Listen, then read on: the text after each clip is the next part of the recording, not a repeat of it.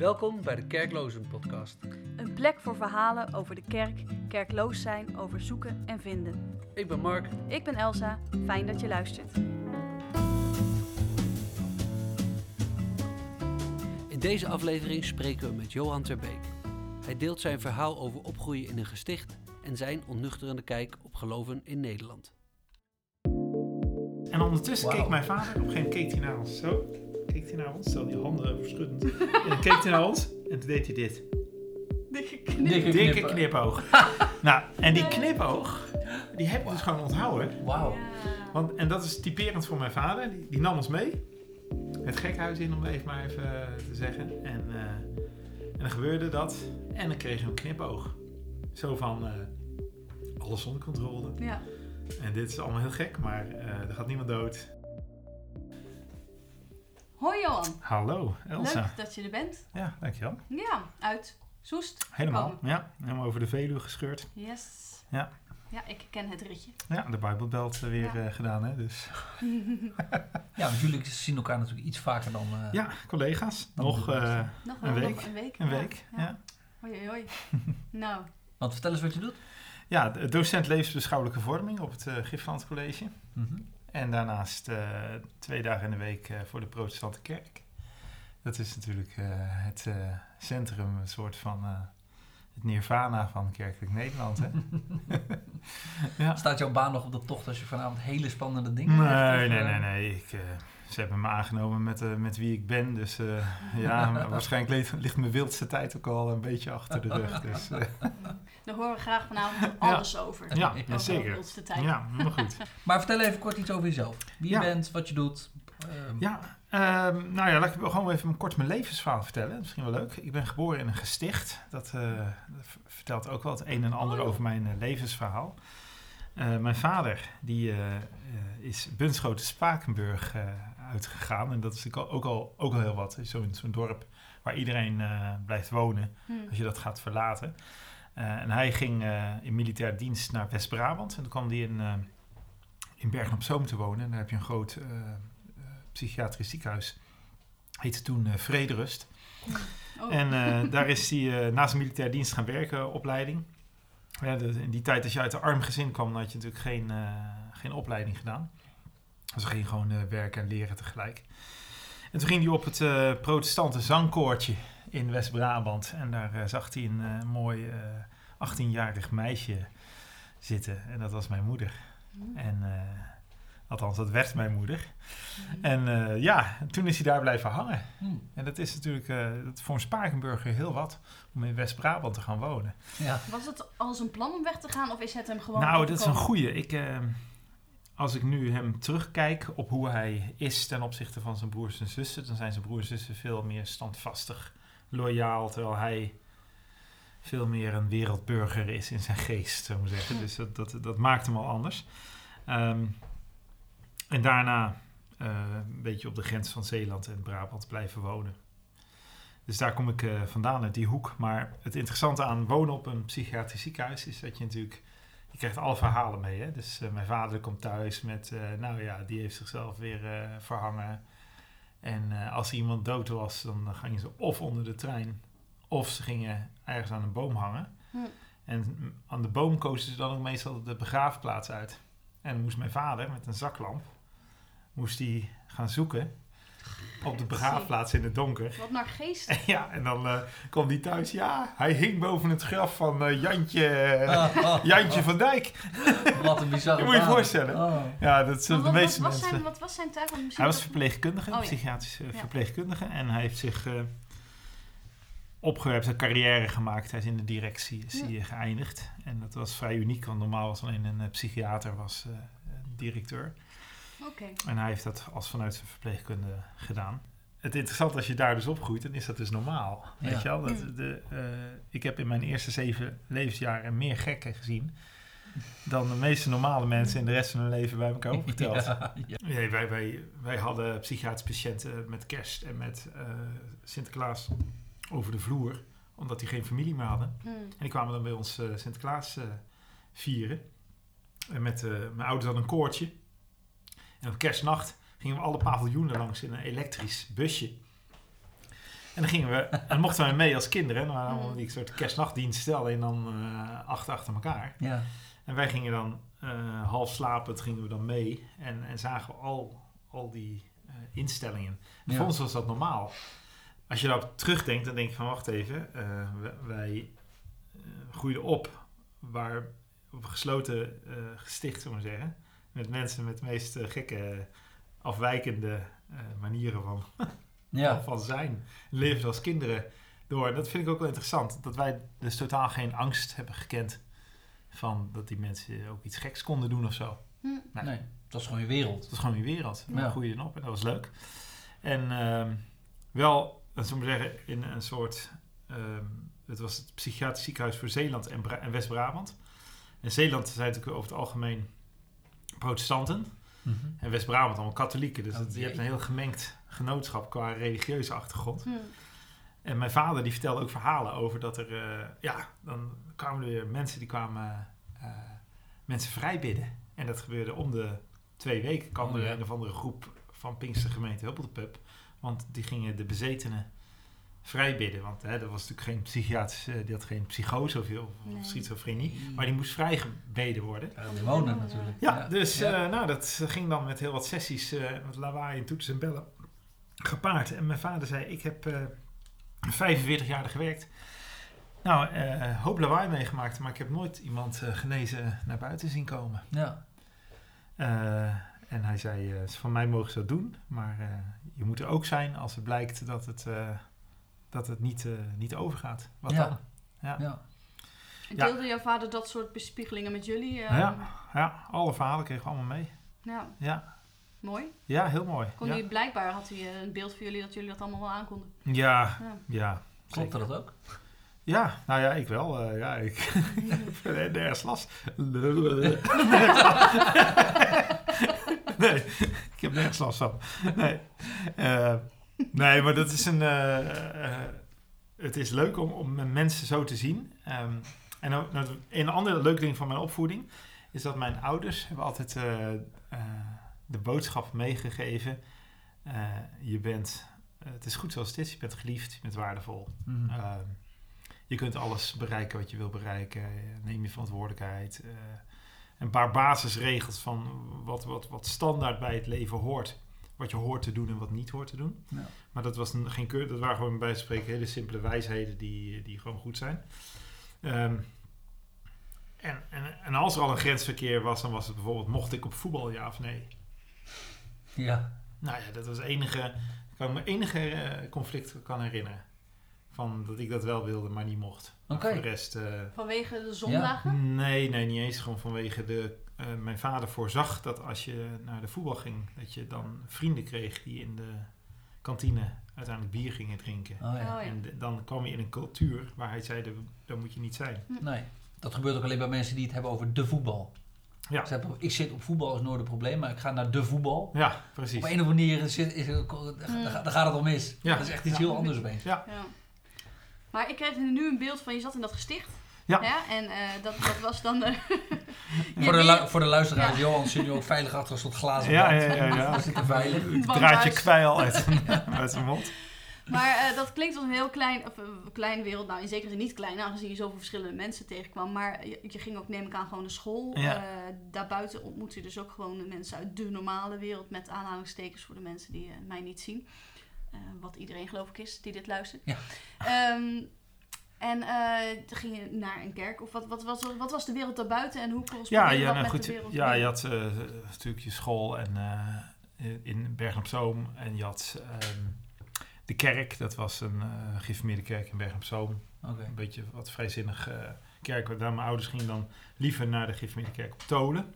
Wat zeven kilometer verderop lag. En dat was Zeeland en dat was behoudend. Hmm. En dat vonden ze allemaal veel, veel fijner. En dat was een, eh, op een gegeven moment een reden dat mijn ouders, eh, toen ik zeven was, zijn we verhuisd van het gesticht af naar, eh, naar Tolen. In een eh, nieuwbouwhuis. En dat was, ja, ik ken het, leven alleen maar daarna als materiële welvaart vooral. Hè? Want dat waren de jaren, eind jaren 70, 80. Toen hebben we even hebben we het even wat zeggen, slash armoedig gehad. Mhm. Omdat we net een heel duur huis hadden gekocht. En toen kwam die oliecrisis. Oh. Nee. Mhm. En eh, ze hadden, mijn ouders hadden zo'n flexibele rente. En dat ging dan opeens van, van 3% waar ze op gerekend hadden naar 13%. Oh, Oh, ja, zo, die ja. tijd, Die ja. tijd. En, eh, Ja, en dat was, toen hebben wij gewoon boterhammen met suiker gegeten. ja, Mhm. En elke avond aardappelen met, eh met groenten. En that's it. ja.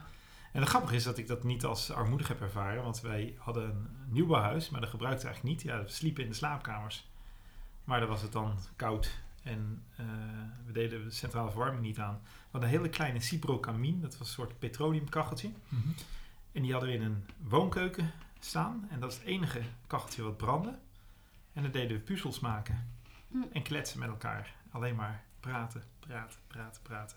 En dan met het gehele gezin in de woonkamer Maar- woonkeuken. En dat, eh, dat is zo'n eh, diepe herinnering aan Mm. eh, familiair, eh, warmte, goede gesprekken. Ja. Dus zo'n olie, zo'n eh, oliecrisis eh, is eigenlijk eh, hartstikke goed. Dat wens ik iedereen van harte toe. Ja. Mogen de economie maar weer eens instorten. mensen. Ja. Dat zou mooi Laatst ook nog een keer gebeurd. Wist je dat? Ik weet niet of je het meegekregen hebt hoor. Maar eh, daarvan hoor je inderdaad trouwens opvallend veel mensen zeggen dat de economische crisis of de huizencrisis, of hoe je het ook noemt, kredietcrisis, Ja. eigenlijk ook wel gewoon een soort zegen is geweest. Ja. Zodat zoveel dingen op scherp zijn komen te staan. Maar hoeveel, eh, hoe groot was het gezin waar je uitkomt dan? Ehm, vier kinderen. Mhm. Ehm, drie, zullen we zeggen, in eh, re- reguliere volgorde, zullen we zeggen. Ehm, en daarna een nabrandertje van eh, Altijd 12, weer die. Altijd hè? 12 jaar jonger dan ik. Ja. Oh ja. En eh, En jij was de, de derde? ik was de tweede. Oh, tweede, oh ja. Ja, en dat typeerde ook. Ja, je hebt van die theorieën over hoe een gezin in elkaar zit. Hè? Ja. Dat ken je wel. En mijn, eh, mijn, onze familie werkt perfect volgens. eh, we, gewoon, we kunnen geïnterviewd worden ook een keer voor zo'n opvoedboek. en mijn, mijn oudere broer, die voldoet.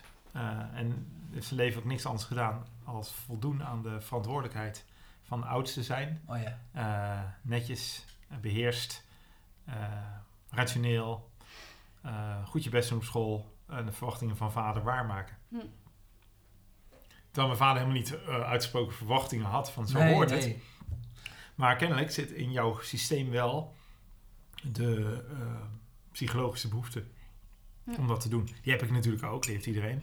Eh, maar mijn broer heeft dat gewoon gekopieerd, zou ik maar zeggen. Dat is de, de vlees geworden verwachting van mijn vader. Als, ik het dan, als, als hij er al zou zijn. Ja, precies. Ja. En ik ben dan nummer twee. Ik ben dan de... eh, ik deed niks op school. Ik, eh, mijn broer ging VWO doen. Ik ging MAVO doen. Mhm.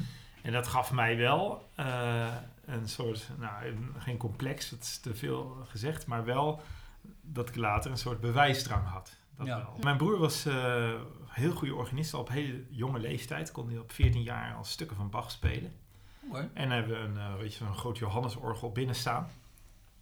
En dan kwam een visite. Dat was een tijd dat mensen op visite kwamen. Dat is even voor de jonge luisteraars. Vroeger gingen mensen op visite bij elkaar. En, eh, ja, en na de kerk bijvoorbeeld dan nam iemand mee. Maar door de week kwam er ook wel eens iemand op visite.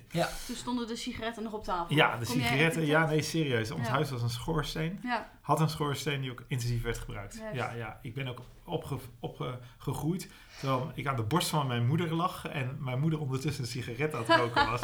rock'n'roll. Ja, en mijn, eh, de huisarts op een gegeven moment zei van... nou, die bronchitisklachten van uw baby... die kunnen ook aan, aan het roken Oh, liggen. jongen. Dus kun je je voorstellen. maar goed. Ehm, dus, ehm, eh, waar waren we? Op visite. Visite, ja. Er ja. kwam visite kwam langs. En, eh, en, en die zei dan van... eh, nou, Johan, wat doe jij? Nou, ik, ik doe MAVO. En wat speel je? Blokfluit. en oké, dankjewel. En dan, Rico, wat doe jij? VWO. Oh, nou, wat wil je dan worden? Oh ja. Oh ja. Alsof ik niks wilde worden. Nee, precies. En wat doe jij? Ik speel kerkorgel. Laat eens wat horen. Ja, ja, ja. En dan hop, en ging je achter het orgel en dan was het applaus. Ja, Ja. weet je wel, mijn blokfluit werd niet... eh, dus ja, dat gaf mij later... Maar dat is ook het... Kijk, wat je doet is eigenlijk, als je erop terugkijkt... Hmm. Dan maak je achteraf, dan schrijf je je biografie. Hè? Mhm. Dat is... eh, als je het meemaakt, maak je het mee. Zit het als het ware... Ja, je leeft het je leven vooruit, hè? ja. Maar je gaat steeds terugkijkend, ga je je biografie schrijven, ga je eh, oorzakelijke verbanden zoeken. Of rechtvaardiging voor gedrag. Mhm. Of eh, verklaren wie je bent geworden vanwege wat je hebt meegemaakt. ja. Dus je gaat terugkijken met een soort verhaal. En dit is dan het verhaal wat ik er zelf aan gegeven heb. Of ik dat daadwerkelijk echt toen zo ervaren heb, dat kan ik me niet meer helemaal herinneren. Maar- op, wel, op welke manier heeft dat, eh, dat verhaal macht over jouw leven nu? Ehm, Op een positieve dan wel negatieve manier? nou, op een negatieve manier. ehm, mijn broer is dominee geworden in de uh, Gereformeerde Kerk in Zwartsluis, eh, PKN. Ehm, mijn ouders en familie die hebben net zoveel respect voor eh, baan en het onderwijs. Eh, en vragen daar net zoveel naar. Dus dat is geen probleem. Maar je merkt wel, als een dominee intreden doet, dan was het wel het ding van God, zou ik maar zeggen.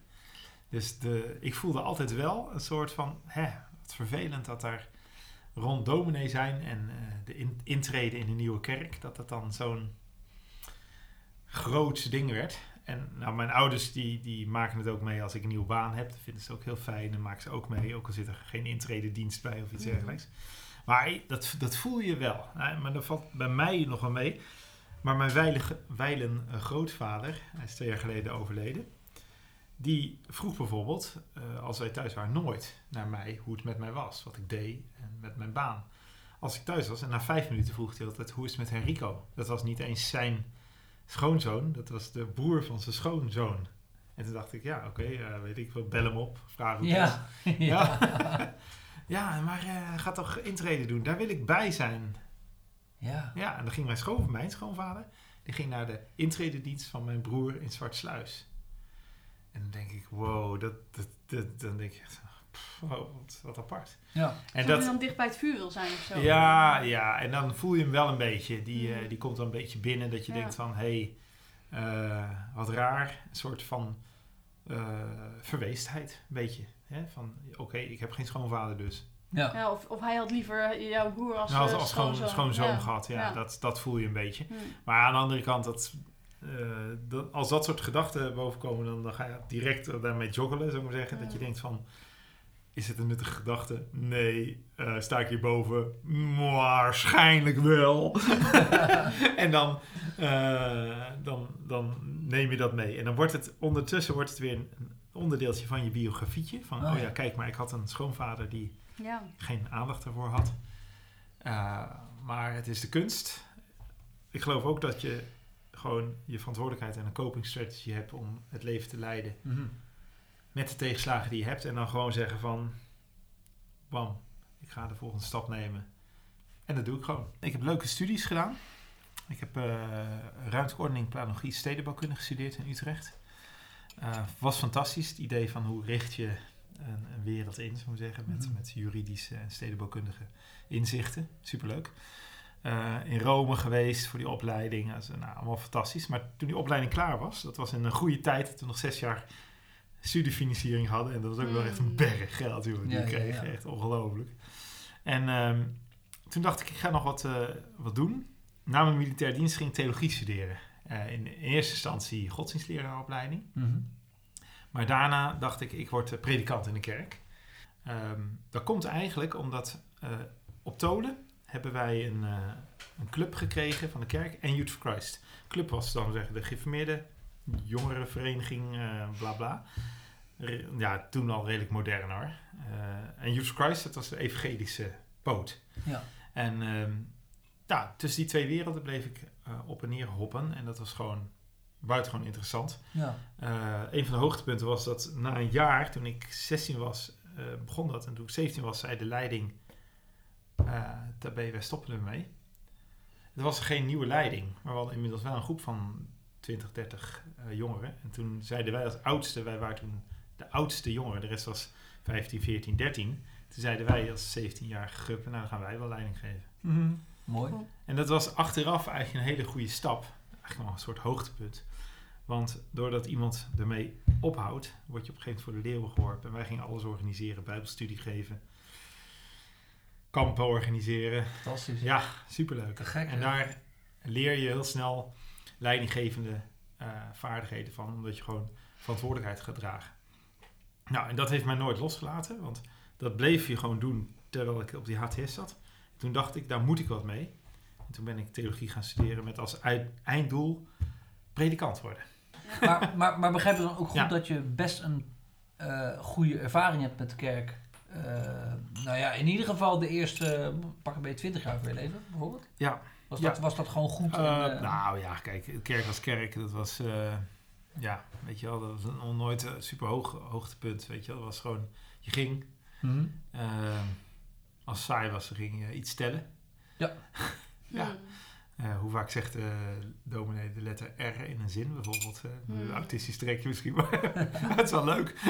Geen gewoon tellen. Knap. Ja. ja. En eh, dan overleef je het wel. Kijk hoe lang je op een eh pepermuntje kunt zuigen. Dat Oh, ja. zijn Die soort wedstrijdjes. Ik had echt visioenen van eh, een King-vrachtwagen die de kerk in kwam rijden. Oh, en zijn lading in de kerk zou storten. Ja, ja, ja. dat was ja. mijn visioen tijdens de kerk. Dat hoop je dat dat Ja. op de dag zou Dat gebeuren. was echt, want wij hadden achter in de kerk zo'n openslaande deur, hè? Ja, Dus dat kon ook gewoon. ja. Ja. Pepermuntjes werken ook laxerend trouwens, als je er heel veel van eet. Dus als dat visioen een- zich nog een beetje ontwikkelt, dan, eh, dan, wordt, het, eh, dan wordt het heel Ja. interessant, denk ik. Ja. Maar goed, dat terzijde. ja, nee, maar kijk, ik heb eh, geen traumatische ervaring. Want eh, de, de kerk waar ik kwam was een zo'n zeggen, confessioneel geïnformeerde kerk. Nou, geïnformeerd is, we zeggen, links van het eh, kerkelijk spectrum. En confessioneel is dan weer de rechterkant in die linkse kerk. Snap je dat? Nee. Nee, ik Ah. niet, maar... Nee, nou ja, goed. Links-rechts. Is dat politiek hetzelfde? Nou ja, kijk, eh, het lijkt er een beetje op. Rechts, zullen we zeggen, eh, in de tijd dat ik opgroeide was kerkelijk rechts, was eh, orthodox geloven. Dus eh, volgens een bepaalde leer. Mhm. Maar dat was politiek, had je ook de rechtse standpunten. En rechts, dat wilde in die tijd zeggen voor bewapening. Dus voor Hmm. kruisraketten, eh, kernwapens en Ja. dat soort dingen. Voor apartheid bijvoorbeeld. Ja. Want ja, Oh ja. die negers die zouden toch maar eens die blanke christenen iets aan kunnen doen. Ja, ja. Ja, dat was nu niet best. En je was eh, voor een aantal uitsluiten van een aantal mensen, dus homo's, dat kon natuurlijk allemaal niet. Eh, En die bestonden toch helemaal niet toen?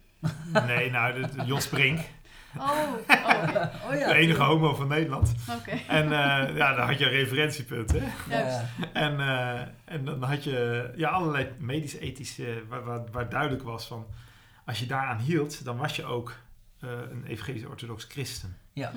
En dan had je aan de andere kant had je de, li- de linkse eh, politiek, maar ook de vrijzinnigheid. Die geloofde weinig meer. Ja, Mhm. in vrede geloofden ze en recht en allemaal dat soort linkse thema's.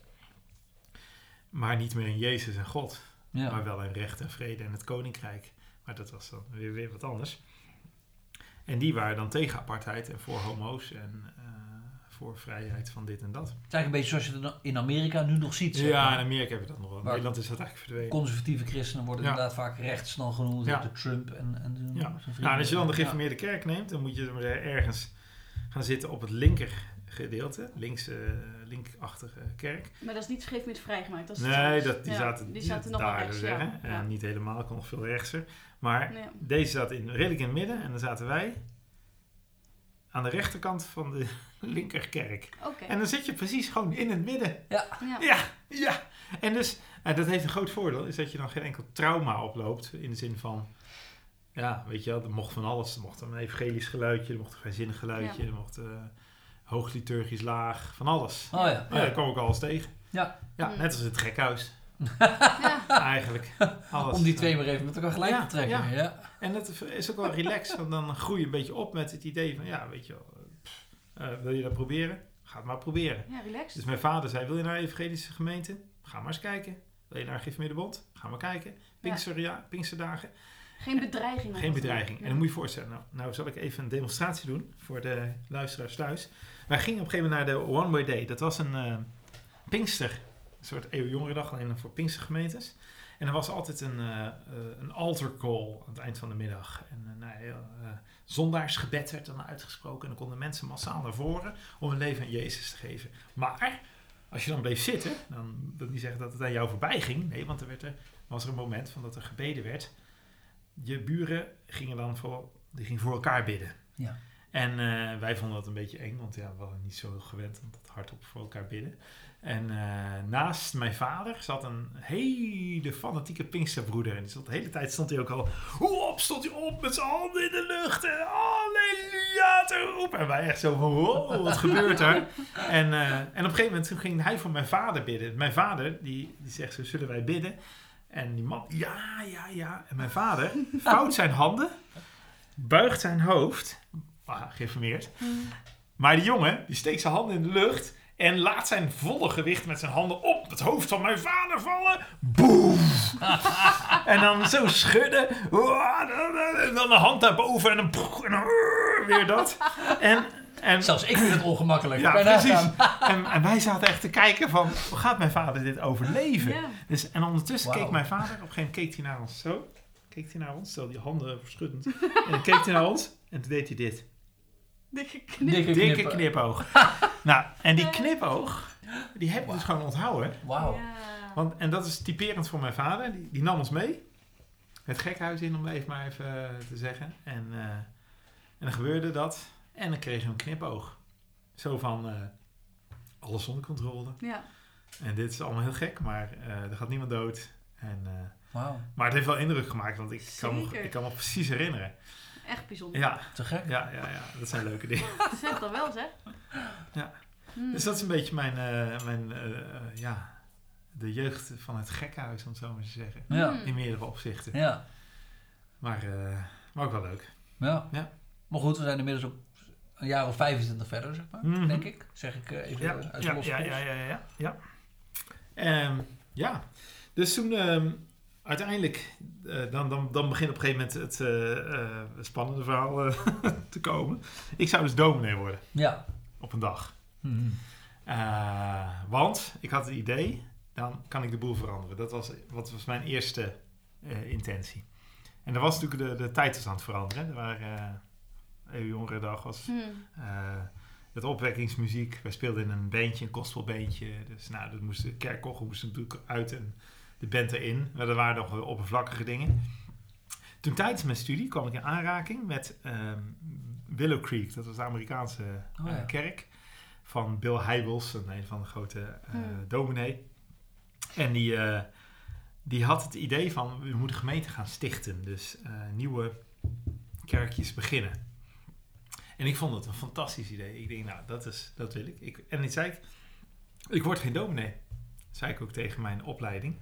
En dan was dat een soort private opleiding. Hè? De Nederlands Gereformeerde Kerk. Geen eigen opleiding. Hm. En we hadden een aantal hoogleraren en dominees samen. Die gaven een soort privé seminarie was het. Dus ik zat op dat seminarie. Volledig afhankelijk van de goodwill van de kerk natuurlijk. Ehm, en ik zei dus dat ik geen dominee wilde worden. Na zeven jaar theologie. En toen kreeg ik keurig een brief thuis. Eh, dank u wel voor de studie, maar eh, u bent hierbij ook uitgeschreven als eh, student. U wenst geen dominee te worden. Ik zei nou, ik wil geen dominee worden van een gewone kerk. Ik wilde een gemeente gaan stichten. Maar dat was 1999 en dat was Nodan gemeente stichten. Hmm. En nu doen ze allemaal natuurlijk. Ja, nee, Ja. precies. Ah, goed. Dat was, eh, ja, dat was eh, het einde van mijn eh, ja, eigenlijk hele carrière. Want ja, mijn eh stedenbouwkunde was niks meer waard. Nee. Hmm. En toen dacht ik, eh, nou dan moet ik toch maar ergens geld gaan verdienen. En toen kwam, eh, kwam mijn vrouw ophalen van het Gifland College. Hmm. Ons welbekende school. Die daar eh, tekenles eh, gaf. En eh, toen zei een eh, baas, die zei van, oh je hebt theologie hier gedaan. Zou je geen eh, godsdienstleraar willen worden? Hmm. Ik zei, nou ja, daar heb ik geen diploma voor. Nee, dat hoeft niet. Ah. En Jan van Hunen. Oh, joh. Oh, die was wel heel open daarin. Ja, die was heel erg open-minded. En Ja. eh, toen zei hij, dan krijg je gewoon een dispensatie. Nou ja, en eh, toen ben ik eh, godsdienstleraar geworden. Levensbeschouwing. Ja. En dat doe ik nu eh 18 jaar. Destijds, toen in dat overgangsjaar, heb ik ook N.T. Wright ontdekt. Die zei, wow, nee, God heeft een nieuwe wereld gemaakt. Hmm. En eh, dat heet het Koninkrijk van God. En dat is er al. Ja, of je er wel of niet van vindt, of wel of niet wat van voelt, dat maakt hem niet uit. Nee. Die wereld is er. Sterker nog, jouw keuze maakt niet uit, want hij, hij is er voor je. Ja. Je hoeft er alleen maar, iemand hoeft alleen maar te zeggen van dat het er is. En dan ga je het zien, Ja. want het is overal om je heen. En dan kun je meedoen. Dan kun je Ja, meedoen. Ja, ja. En dat, nou, precies. En het geloven werd niet het aanvaarden van een bepaalde waarheid. Maar geloven werd, ik ga meedoen in die wereld. Ik word Ja. burger van die wereld en ik ga, ik ga participeren erin. Ja. Oh, en dan begint je leven eigenlijk pas. Super. Maar dat is dan tenminste dus ook echt goed nieuws. Ja, dat is buitengewoon goed nieuws. Eh, voor iedereen überhaupt. Want Mhm. er, is geen, eh, eh, er is geen afwijzing meer. Ook voor mensen die het niet geloven. Want als die mensen niet geloven, dan het enige nadeel, wat je zou kunnen zeggen, wat een nadeel nog is, is dat ze niet gaan participeren. Ja. Maar ze kunnen wel genieten van wat anderen. Kijk, stel bijvoorbeeld je bent eenzaam. Maar hij zegt, ik geloof het niet. Ik geloof niet in God, Jezus, een hele rambam. Ik kan- Mhm. Dat geloof ik niet. Nou, dan is er misschien wel iemand die jou bezoekt vanwege jouw eenzaamheid. En als dat nou een volgeling van Jezus is, dan zou het kunnen zijn dat hij dat doet omdat hij denkt, het bezoeken van eenzamen hoort bij Gods nieuwe wereld. Ja, Ja. Nou, dan geniet jij van het evangelie, want dat is het evangelie voor jou. ja. Er komt iemand bij jou op bezoek. Hm. En ik weet nog wel dat ik, eh, ik heb in het bestuur van eh, Stichting HIP in Soest eh, gezeten. En eh, toen deed ik daar ook meewerken. En er was er een moslimfamilie waar wij, eh, dat is een, een jongetje die brak. eh, is zo'n ziekte waar je alle botten breekt. Oeh, continu, hè? Oh ja. Zo'n zo'n gebrozen bottenziekte. Ja, En die jongetje was altijd ook overgewicht en eh, dat werkte ook niet mee. nee. Eh, en wij dachten van, wat kunnen, wat kunnen we doen? En we vroegen aan die vrouw, wat, wat heb je nou echt nodig? Nou, hij zegt, we hebben- het kost me heel veel tijd om eten te maken. Zou je één dag in de week voor mij willen koken? Dus, eh, prima, we gaan één dag in de week koken. Nou, Marlies ging koken natuurlijk, hè, want ik wil rot aan koken. Maar ik ga het dan brengen en ik ga dan eh, een praatje maken. En eh, ja, en ik had ook het idee van, nou, dat is het, weet je, dit is goed nieuws voor haar. Ze krijgt eten. Ja. Toen kwam ik een eh, broeder tegen, eh evangelische broeder, die plakte de banden en repareerde de fietsen. Dus op een gegeven moment kwam ik hem tegen, maak een praatje. Hé, hey, hetzelfde gezin. Ja, leuk. Waarom doe jij het dan? Nou, ik zeg, ja, gewoon om... ik wil goed nieuws brengen. Hè, ik, eh, wil, en dat is eten. Nee, zegt hij, goed nieuws is dat als ze van moslim zich bekeert tot christen. Oh ja. Want nu gaan ze verloren. Ja. En ik hoop dat door mijn eh, liefdadigheid, dat ze op een dag zullen afvragen waar komt die liefde vandaan? Die komt van Jezus en dat ze dat dan gaan aanvaarden. En dan zijn ze gered. Dat is het goede nieuws. Ik zei, nee, het goede nieuws is dat je banden plakt. Ja, ja. Precies. En nou zou het wel goed nieuws kunnen zijn, want als een moslim bij spreken bang is voor God, en die hoort dat God helemaal niet boos op je is, wat je als christen mag geloven, dan, eh, dan helpt het. Mhm. Maar dan is het goede nieuws eh, een psychologisch effect. En niet zozeer dat de moslim wel of niet gered gaat worden. Natuurlijk, die is, die is ook gered. ja. Wauw. Ja, Hm. Ja, die, die, die andere vari- variatie op, op het goede nieuws is dat je vaak eigenlijk eerst slecht nieuws moet brengen. ja verschrikkelijk. Waarna je dan weer een soort escape Ja, aanbiedt. ja, dat heb ik altijd eh, heel raar gevonden aan wat we dan maar een klassieke liefdevolle God met een eh, martelkamer in zijn eh, Ja, kelder. precies. Ja. Ja. ja, precies. Alles is kut. Als je dit doet, valt het wel mee. Ja, precies, ja, dat is gewoon niet zo'n heel goed verhaal. Nee, dat is echt heel slecht Hm. nieuws. Ja. Ja. Nee, maar dat, is- dat is het mooie. En kijk, nou is anti-right helemaal niet nieuw. Want als je terug gaat kijken, dan zijn er, eh, staat hij weer op schouders van anderen. Ja. Maar het interessante aan hem is dat hij een brug weet te slaan tussen, eh laten we zeggen, orthodoxere christenen, eh, die stevig geloof erop nahouden, eh, en de wat vrijere vogels. En dat vind ik heel interessant, dat eh, Wright, zeggen, daar een soort middenpositie inneemt. Ja. En kennelijk iedereen kan aanspreken. Ja.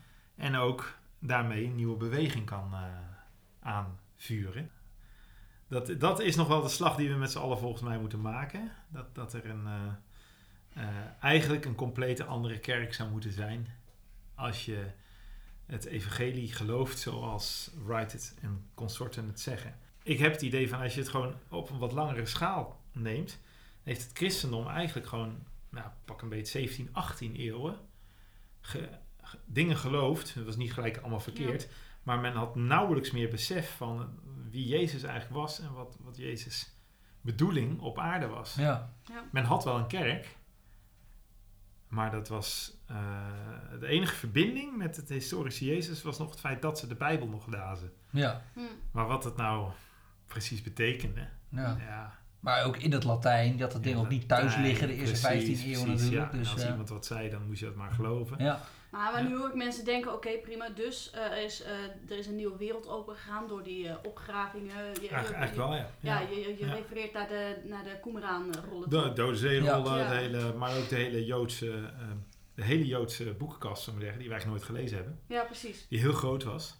Eh, en die heel veel inzicht geven in het Jodendom. Ja, Maar het Jodendom hebben we categorisch altijd afgewezen, want dat was de werkgerechtigheidsreligie. Ja, dat en daarom hebben we gezegd, van, er kan er niks zijn. Nee. Maar ik moet even mijn ding afmaken. Ja. Want, eh, maar eh er is ook nog zoiets als eh, de Heilige Geest, die altijd bij de christen is geweest. En eh, waarom heeft die dan nog iets voor invloed gehad? Ja. Je kijkt heel moeilijk. Ja. Moet je misschien even naar de wc? Ja, nee, het is, het is, ja, laat ik zeggen, ik vind het mooi als hij als Heilige Geest wordt. Maar de, de Heilige Geest kan ook wel een soort van een soort stoplap worden van, van ja, god, god, de kerk is altijd geweest. En de Heilige Geest is ook altijd actief geweest. Ja. Ja, maar dat heb ik vooral gezien in... ehm, kijk, ik geloof dat, dat Gods Geest er sowieso altijd is geweest. Mhm. Eh, in alle culturen altijd. En dat, dat Gods geest eh, altijd mensen eh, aanzet om bijvoorbeeld voor armen te zorgen. En dan heb je een Franciscus heb je gehad. Mhm. Je hebt kloosterorde gehad. Je hebt de Ierse monniken gehad die, weet ik veel, aan scholingen, gastvrijheid. En ik bedoel, er zijn me- een heleboel fantastische dingen gedaan. Mooie liederen geschreven. Dus in, in, in die hele tijd heeft Gods geest wel degelijk gewerkt. Maar, Maar was dat niet was- mainstream. Mm, was, ja, een beetje, natuurlijk. Er waren ook mensen die ook goede dingen deden in hele gewone kerkjes en parochies wereldwijd. Hmm. Dat Daar was niks mis mee. Maar ik denk dat het wel soms, ondanks het verhaal wat men vertelde, Ja, en dan dankzij. ja, ja. Eh, dus ik denk dat er een heleboel onzin verteld is. Maar ondanks dat ging de, geest van God toch wel door. Ja. Eh, en dat komt nou eigenlijk simpelweg omdat de geest werkt. En omdat in de Bijbel staan nou eenmaal verhalen waar je gewoon niet omheen kan. Ja, als Jezus zieken helpt, ja, dan moet je, er wel, moet je wel een raar verhaal van maken om dan zieken weer af te gaan wijzen. Ja. Ik noem maar wat. Nou ja, in Amerika krijgen ze het voor elkaar, maar goed, Ja. dat is een hele andere discussie. Ja, ja. Er zijn wel geluiden die zeggen, ja, het christendom staat nu eigenlijk nog in, de- in eh, de kinderschoenen. Dus Ja. dat is een soort kleuterklas Ja. christendom nu. Nee, precies. Kijk, laten we aannemen dat de wereldgeschiedenis eh, nog maar net eh, begonnen is. Dat vind jij? Ja, ik denk dat we nog... eh, kijk, de wereld, de, de geschiedenis is nog maar 5000 jaar bezig. Hè? De geschreven geschiedenis vanaf de Sumeriërs, zou ik zeggen. 5000 Mhm. jaar. Nou, op een evolutie van zoveel miljoenen jaren is dat nog maar een vrij korte tijd. Mhm. Dus ik denk dat we nog enkele honderdduizenden jaren als levende wezens eh, te gaan hebben. Dus we staan eigenlijk nog maar aan het begin van de tijd. Dus ik denk dat over 15.000 jaar, dan kijkt men terug Hm. op de tijd waarin we nu leven, dat ze zeiden van ja, je had ze maar zeggen de geboorte van de kerk. Toen waren ze het eventjes kwijt. Gewoon maar 1500 jaar. Ja. waar we hebben het over. Redelijk snel werd het verhaal uit de Bijbel weer herontdekt. Ja, En sindsdien, want gelukkig kwam toen Joseph Smith, en die heeft, eh, en, want die heeft de kerk hersteld, toch? ja, ja Of wou je daar niet heen? Oh. dus, die, dus ik denk dat, dat, dat we als we 15.000 jaar vanaf nu terugkijken, dat we kunnen zeggen, wow, het was een redelijk korte tijd. Hm. Maar nu eh, kunnen we weer mee vooruit. Oké, interessant. Ja, Ja. Nou, tenzij we onszelf eh, vernietigen, toch? ja dat zou in theorie kunnen, maar... Want jij bent ook niet zo'n eh, jij bent ook niet zo'n optimist als het gaat om de toekomst van de wereld, toch? Je hebt je Eh, leerlingen slapeloze nachten Ja, leerlingen bezorg ik slapeloze nachten. Daar moet ik altijd een beetje maar uitkijken. Want eh, kinderen die horen natuurlijk de boodschap soms veel heftiger. Mhm. Nee, uiteindelijk geloof ik daar niet in. Ik denk, ja, het kan wel eens heel rampzalig gaan worden. Maar dat, dat Vanwege dan de, de bronnen die uitgeput raken. eh, bronnen, economie die instort, Ja. eh, vervuiling, opwarming, eh, Voedsel, voedselcrisis, voedselschaarste wordt heel serieus. voedselschaarste, Ja. eh, zoetwaterschaarste, eh, conflicten. ja. Eh, nieuw fascisme, nieuw eh, extremisme. Nou, weet je wel, noem al dat dingen op. Maar dat is eigen aan de wereld. De wereldgeschiedenis. eh, ik bedoel, in, in China zijn miljoenen mensen vermoord in allerlei oorlogen. Dus dat, dat hoort gewoon bij. Alleen we zitten nu wel met heel veel mensen. Dus de, de mogelijke cataclysme wordt wel heel erg groot. Als die Ja. komt, wordt het echt een groot ding. Maar ook dat hoort erbij. En ik denk dat het bij het christelijke verhaal hoort om, om daar wat mee te doen. Daar wa- wat mee te kunnen. Ik, we hebben wel eens een gesprek over gehad van... ja, shit, wat een raar fake wereldje leven eigenlijk als christen hier in Nederland. We hebben alles. Ja. Ja, eh, shit, evangelie werkt eigenlijk niet. Ja, vind je het gek? ja. Hm. Dit is geen ruk aan de hand eigenlijk op, op, op, op wereldschaal, ik zeggen. Nee, Dat je denkt van, precies. ja, waar hebben we het nou over? ja. De wereld is altijd ellendiger geweest dan vandaag. En het is ergens anders ook altijd ellendiger dan Nederland. ja. Ja, ik heb Ja. wel eens gedacht, er zijn dan, eh, vroeger ging je dan vertellen, ik heb wel straatevangelisatie gedaan en dan ging je vertellen op straat, ja, je bent zondig en je moet bekeren, want anders dan, hè, je kent het wel, Ja. het verhaal. En dan zijn er van de mensen die zeggen, ja, maar ik leef gewoon, ik heb gewoon een prima leven, weet Ja, je wel, ik precies. leef goed, hoezo ben ik, wat, wat is Ja. mijn probleem, oh, wat is het probleem? Eh, en eh, dat, dat snap ik ook wel, eh, maar als je het verhaal groter maakt, Ja. Van, maar oké, dus jij hebt een prima leven, maar en dit dan, en dit dan op de Ja. wereld. En, dat, Ja, en daarom heeft het ook, eh, hebben we een grotere evangelie nodig dan het individuele Ja, evangelie. dat is ook zo. Ja. Maar dat werkt bij ons mensen nou weer niet zo best. Want ja, eh, zelfs in de tijd van Jezus snapten de mensen natuurlijk gewoon alleen maar geef ons heden ons dagelijks brood. Ja. ja. Hè? En vergeef ons onze schulden. En niet die van een, eh, de Spa- Spanjaarden aan de andere kant van Ja, Rome. ja. zeggen, hè? Eh, dus eh, wij mensen, onze hersenen, zitten ook gewoon zo in elkaar dat we alleen maar op heel korte termijn het effect kunnen zien. Hm. Dat deed Jezus wel een groot verhaal vertellen. Maar bracht dat altijd wel bij de mensen dichtbij. Maar goed, in Jezus' tijd waren de mensen ook zwaar armoedig. En leefden ze Ja. onder een klote gezag van, eh, van het Romeinse overheersing. Ja, ja, ja. Dus het was heel spannend. En bij ons is er niks echt spannend, zou ik maar zeggen. Dus eh, willen wij dan een verhaal gaan vertellen over eh, ja, die vluchtelingen die sterven op de Middellandse Zee? Ja, sorry, maar ik, ik word er geen seconde emotioneel van. Hm. Kom, komt niet binnen. Nee. Heb ik een vluchteling in huis, komt het wel binnen. Mhm. Ehm, Wat je hebt gehad. ja. Ja. Dus eh, daarom denk ik ook dat het verhaal vertellen over vluchtelingen of over klimaat of over wereldeconomie.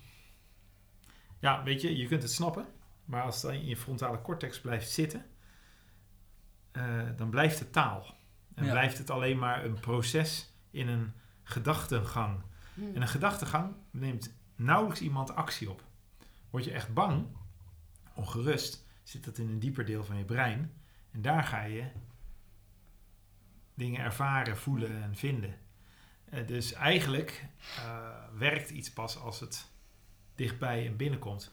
En daarom denk ik ook dat uiteindelijk eh, eh, bijvoorbeeld zo'n theologie moet ook niet alleen maar in grote abstracte verhalen over het koninkrijk van God en Jezus in zijn historische context eh, blijven zitten, maar het moet pootjes krijgen en we moeten er dingen mee gaan doen. Ja, je moet het dan zien. Dichtbij. Ja. ja. En dat is voor jou de toekomst van de kerk. Maar of dat in Nederland eh, gaat lukken, daar heb ik mijn ernstige twijfels bij. Ja, want ja, jij bent misschien wel een beetje gedesillusioneerd. eh, Nee, nee, niet, niet vanwege mijn desillusie, maar Hm. gewoon puur vanwege het feit dat, eh, dat Nederland het gewoon te goed en te mooi uh, oké. hard tuintje is. Ja. Hm. Eh, kijk, er is bijna ja, op een paar Scandinavische landen na misschien waar mensen gelukkiger zijn dan in Nederland. ja. We hebben alles en het is ook nog redelijk, redelijk verdeeld, zullen we zeggen. Iedereen heeft wel een beetje gemiddeld eh, goed. Dus dan moeten we gewoon weer ouderwets, als we zending willen bedrijven, hup naar het buitenland. Dat zou ik ook niet doen.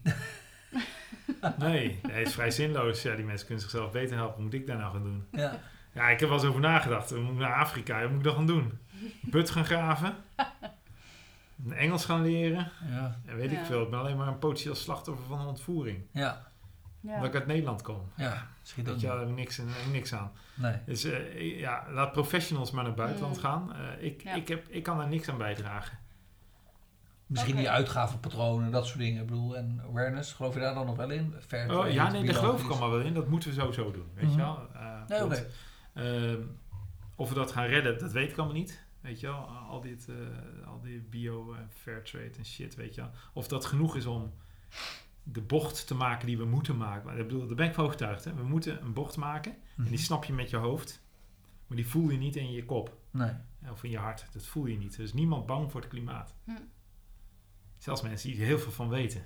Die heel ongerust makende verhalen kunnen vertellen. Het is zo erg. Ja, maar je ligt er niet wakker van. Niemand ligt er wakker van. Zelfs als christenen die over de hel vertellen. Ja. Ja, dat weet je in je kop dat je naar de hel gaat. Maar er is niemand bang. Nee.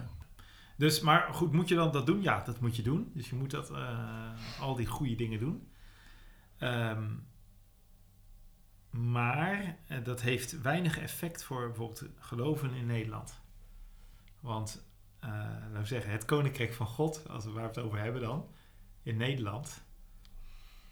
Ja, weet je, dat is vervangen door de verzorgingsstaat. Ja. En ja, dat is, eh, dat is lullig voor christenen. Ja, die hebben dan niet zoveel meer te doen. Nee. Belasting betalen. Ja. Het probleem is gewoon, we weten het gewoon even niet hoe mensheid opnieuw uitgevonden moet worden.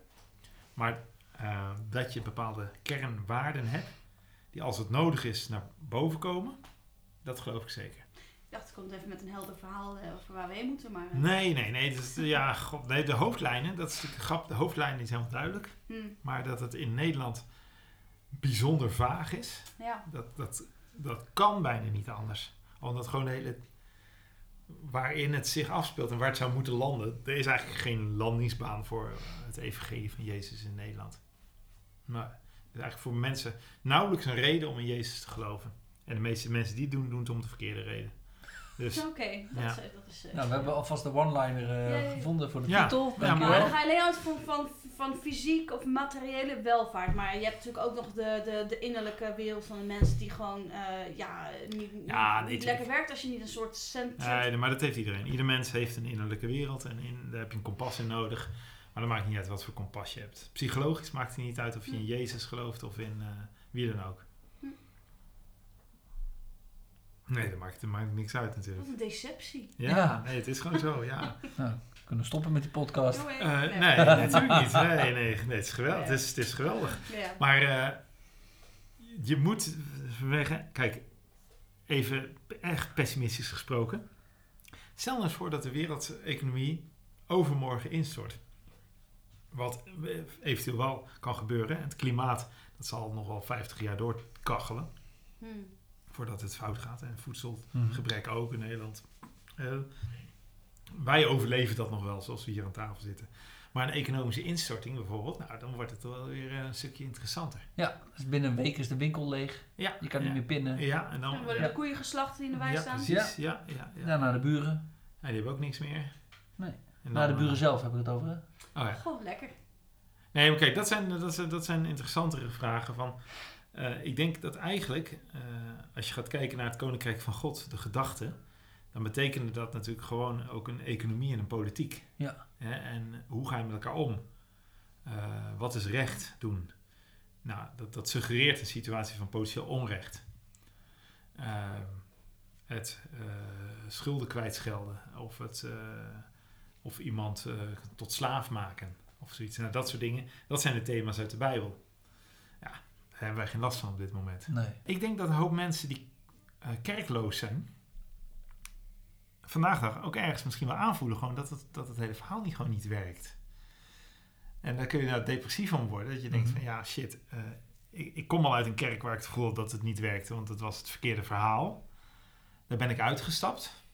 En dan kom ik bijvoorbeeld in via interessante conferenties of een boek of een lezing of een podcast of whatever kom ik ergens in een gezelschap die, die mij een meer inspirerende boodschap geeft? Ja, fantastisch. Heeft die boodschap effect? Nee. nou, Niet op wereldschaal.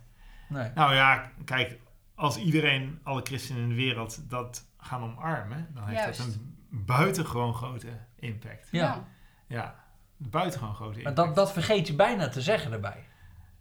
Ja, eh, alleen dat kan ik niet bewerkstelligen. En eh, ik heb moeten leren, want ik heb serieus een soort Messias-syndroom gehad. Mhm. Ik dacht, want, want ik was een van de eerste die met Wright en Rob Bell hier in Nederland bezig was. Ik denk, nou, dat ga ik tegen iedereen vertellen. Als iedereen dat gelooft, dan heeft dat een enorme impact. Mhm. dat, dat, dat is ook zo waarschijnlijk.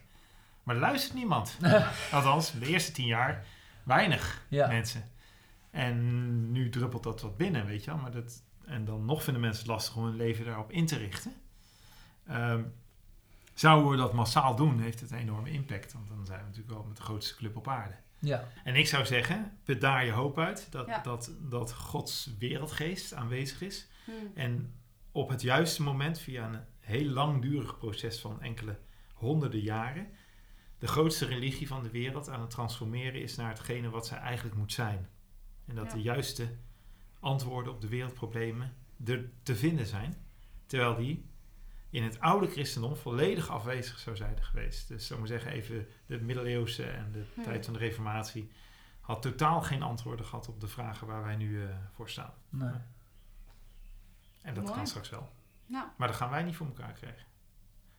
het gaat gewoon gebeuren. Dat gebeurt gewoon. Je moet, je moet de dingen doen. eh, de goede dingen moet je doen. Die passen bij dat evangelie. En dat, dat, die boodschap moet je verspreiden. Maar er niet verwachten dat het vanuit jou per se de Hmm. grote... eh, eh, dat jij de transformatie zelf mee gaat maken. Dus toch het grote verhaal. Het grote verhaal gaat het doen. En jij, wij doen trouw op onze plek wat we kunnen doen. That's it. Het is niet zinloos, eh, maar eh, Nee. je moet wel realistisch blijven over het wereldgebeuren. Nou, Ja. dat hebben we dan geleerd. Ja.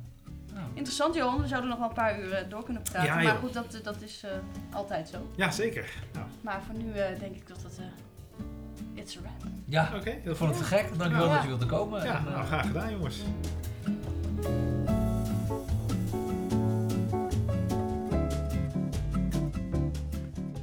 De Kerkloze podcast wordt mede mogelijk gemaakt door de Goed Verhaal Community. Door hun financiële support kunnen wij tijd en middelen vrijmaken voor het verzamelen van deze verhalen. Wil je ook bijdragen? Kijk dan op www.goedverhaal.community. Dankjewel.